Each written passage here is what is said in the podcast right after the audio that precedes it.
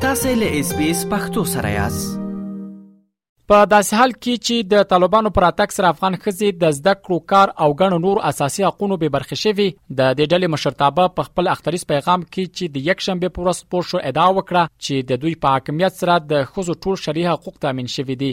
د طالبانو مشرتابه مولا هیبت الله خونزاده په خپل اختریس پیغام کې ویلي د افغان ښځو ټول حقوق یوازې په نکاح او میراث پورې محدود شوي او زیاته کړې و چې د طالبانو له حاکمیت وروسته د مرمنو اجباري نکاح او په بدو کې ورکولو په شمول له نورو غنو رواجي ظلمونو څخه د ژغورلو په پار لازم اقدامات اخیستل شوي دي ملاحب بت الله په خپل دې پیغام کې سربېره پر دې چې خزي د ټولنې د نیمای برخې په توګه یاد کړې وي خو له دې سره سره د هغوی د زده کړو مسله چې د طالبانو له حاکمیت را پدې خوا په کوردنن او نړیواله سطح خبرګون را پرولي څنې دی ویلي په پیغام کې د موضوع ته په اشاره سره راغلي چې د ټولنې د نیمای برخې په توګه د میرمنو اصلاح حجاب عفت له اختلاط څخه مخنیوي او د اسلامي شریعت تر سوري لاندې د باسعادت ژوند په مسیر د برابرولو په مخه لازم اقدامات شوي دي د طالبانو د مشرتابه پیغام کې د همراغلی د خزو نور حقوقو د تامین په برخه کې ټول ادارات د مرمنو په مرسته مکلف شوي دي خو دا یادونه نه ده کړې چې نور کوم حقونه او آیا د نجونو او خزو د زده کړو او کار حق ته هم حکومت څه پام کوي او کنه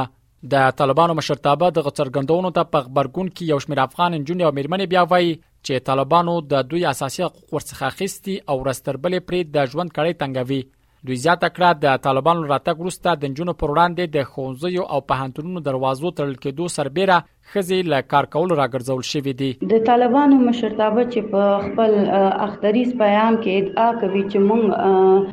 افغان خزو ته حق او حقوق ورکړی دا اصلا بی بنیاد او بی بنسټه ده ځکه دوی بر زموږ نه حق د تعلیم او د تحصیل اخیستی وظیفه بند دي خزو لپاره تحصیل بند دي نو دوی څنګه ادعا کوي چې مونږ خزو ته حقوق ورکړی اصلا دغه ادعا دوی به بنسټه ده له کله نه چې طالبان په افغانستان کې واکمن شوي دي دوی تل ادعا کړې ده چې موږ افغان نجونو ته خپل هغه اساسي او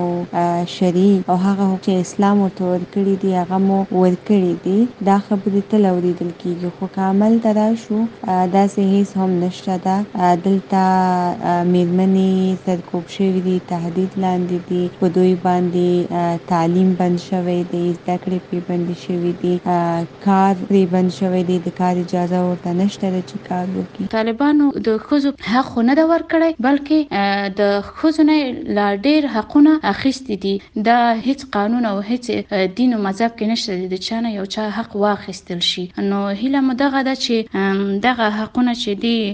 موږ ترېنه محرومه یو، موږ بېرته د خپل حق حقدارې شو. د ښځو د حقونو یو فعاله خدیجه وايي، طالبانو نه یوازې دا چې د ښځو حقوق تر پښو لاندې کړي بلکې نن سبا افغان نجونې او ښځې له جنسیتي تبعیض سره هم مخ دي دا یو واضح خبره ده چې طالبانو په دې دوه کلونو کې چې اوس پوره کیږي د ښځو یو حقوق هم نه دی تر سره کړی دی که هغه له هر لحاظه وي نجونې مکتبو ته اجازه نه لري پانتونونه له پانتونونه ورباندې تړلې دي نور هغه امکانات چې ښځو ته موږ په تیر حکومت کې هغه امکانات لرو په دې حکومت کې موږ هغه امکانات هیڅ هم نه لرو نو دا یو واضح خبره ده چې هغوی نه موږ ته کوم حق او حقوق راکړی ده او نه موږ ته داسې کوم ځای ځای جایګه راکړې ده چې موږ داسې ووایو چې او موږ هم یو مېرمنه یو موږ کولی شو چې یو مقام ته یا یو ځای ته ورسیږو د طالبانو د مشر په اختریز پیغام کې ځینو نور موضوعات ته هم اشاره شوه په دغه اختریز پیغام کې د دینی احکامو شرعي اوامر او حدود او قصاص پلي کېدل د طالبانو حکومت له مهمو لاسرونو بلل شوې دي په پیغام کې راغلي د شرعي محاکمو په فعالیت سره سپیشل شریعت یو ځل بیا په عملی ډول پلي شوی دی او د تقنین حکومتوالۍ قضا اقتصاد کلتور او نور برخو کې دیني اصلاحات جریان لري طالبانو له بیا ځل واکمنۍ وروسته په فراه او لغمان ولایتونو کې دوه تنه پام محضر کې دام کړي دي او ګڼ شمېر نورو ته تعزیري سزاګانې اورولې دي ملا هیبت الله خونزاده خپل اختریز پیغام کې دا هم ویلي چې د دوی حکومت افغانستان کې د اقتصادي سقوط مخه نیولې او په لومړي ځل افغانستان له اقتصادي لحاظه خودکفایي په لور حرکت کړی دی په داسې حال کې چې د ملګرو ملتونو سازمان د مرستندوی دفتر یا اوچا نړیوال بانک او نور نړیوالو ادارو رسمي شمېرې ښیي چې د طالبانو د واکمنۍ په لومړي کال کې د افغانستان اقتصادي وده لس سلنه نوره ټیټه شوې او اته ویشت اعشاریې اته میلیونه افغانان له سختې لوږې کړېږي د طالبانو مشرتابه د نشي توکو د کار مخنیوي او د روغ د کسانو درملنه د خپل نظام بل مهمه لاسته راوړنه بللې نوموړي همدارس یو ځل بیا ویلي چې حکومت یې ټول نړۍ په ځانګړي توګه له اسلامي هیوادونو سره ښې او رغنده سیاسي او اقتصادي اړیکې غواړي او له بهرنۍ هیوادونو غوښتي چې د افغانستان په کورنۍ چارو کې د لاسوهنه نه کوي د طالبانو مشرتابه په خپل دې پیغام کې د نورو موضوعاتو ترڅنګ پر فلسطین د اسرایل بریدونه غندلي او د سودان حکومت او وګړو ته د خپلمنځي روغې جوړې لارښوونه کړې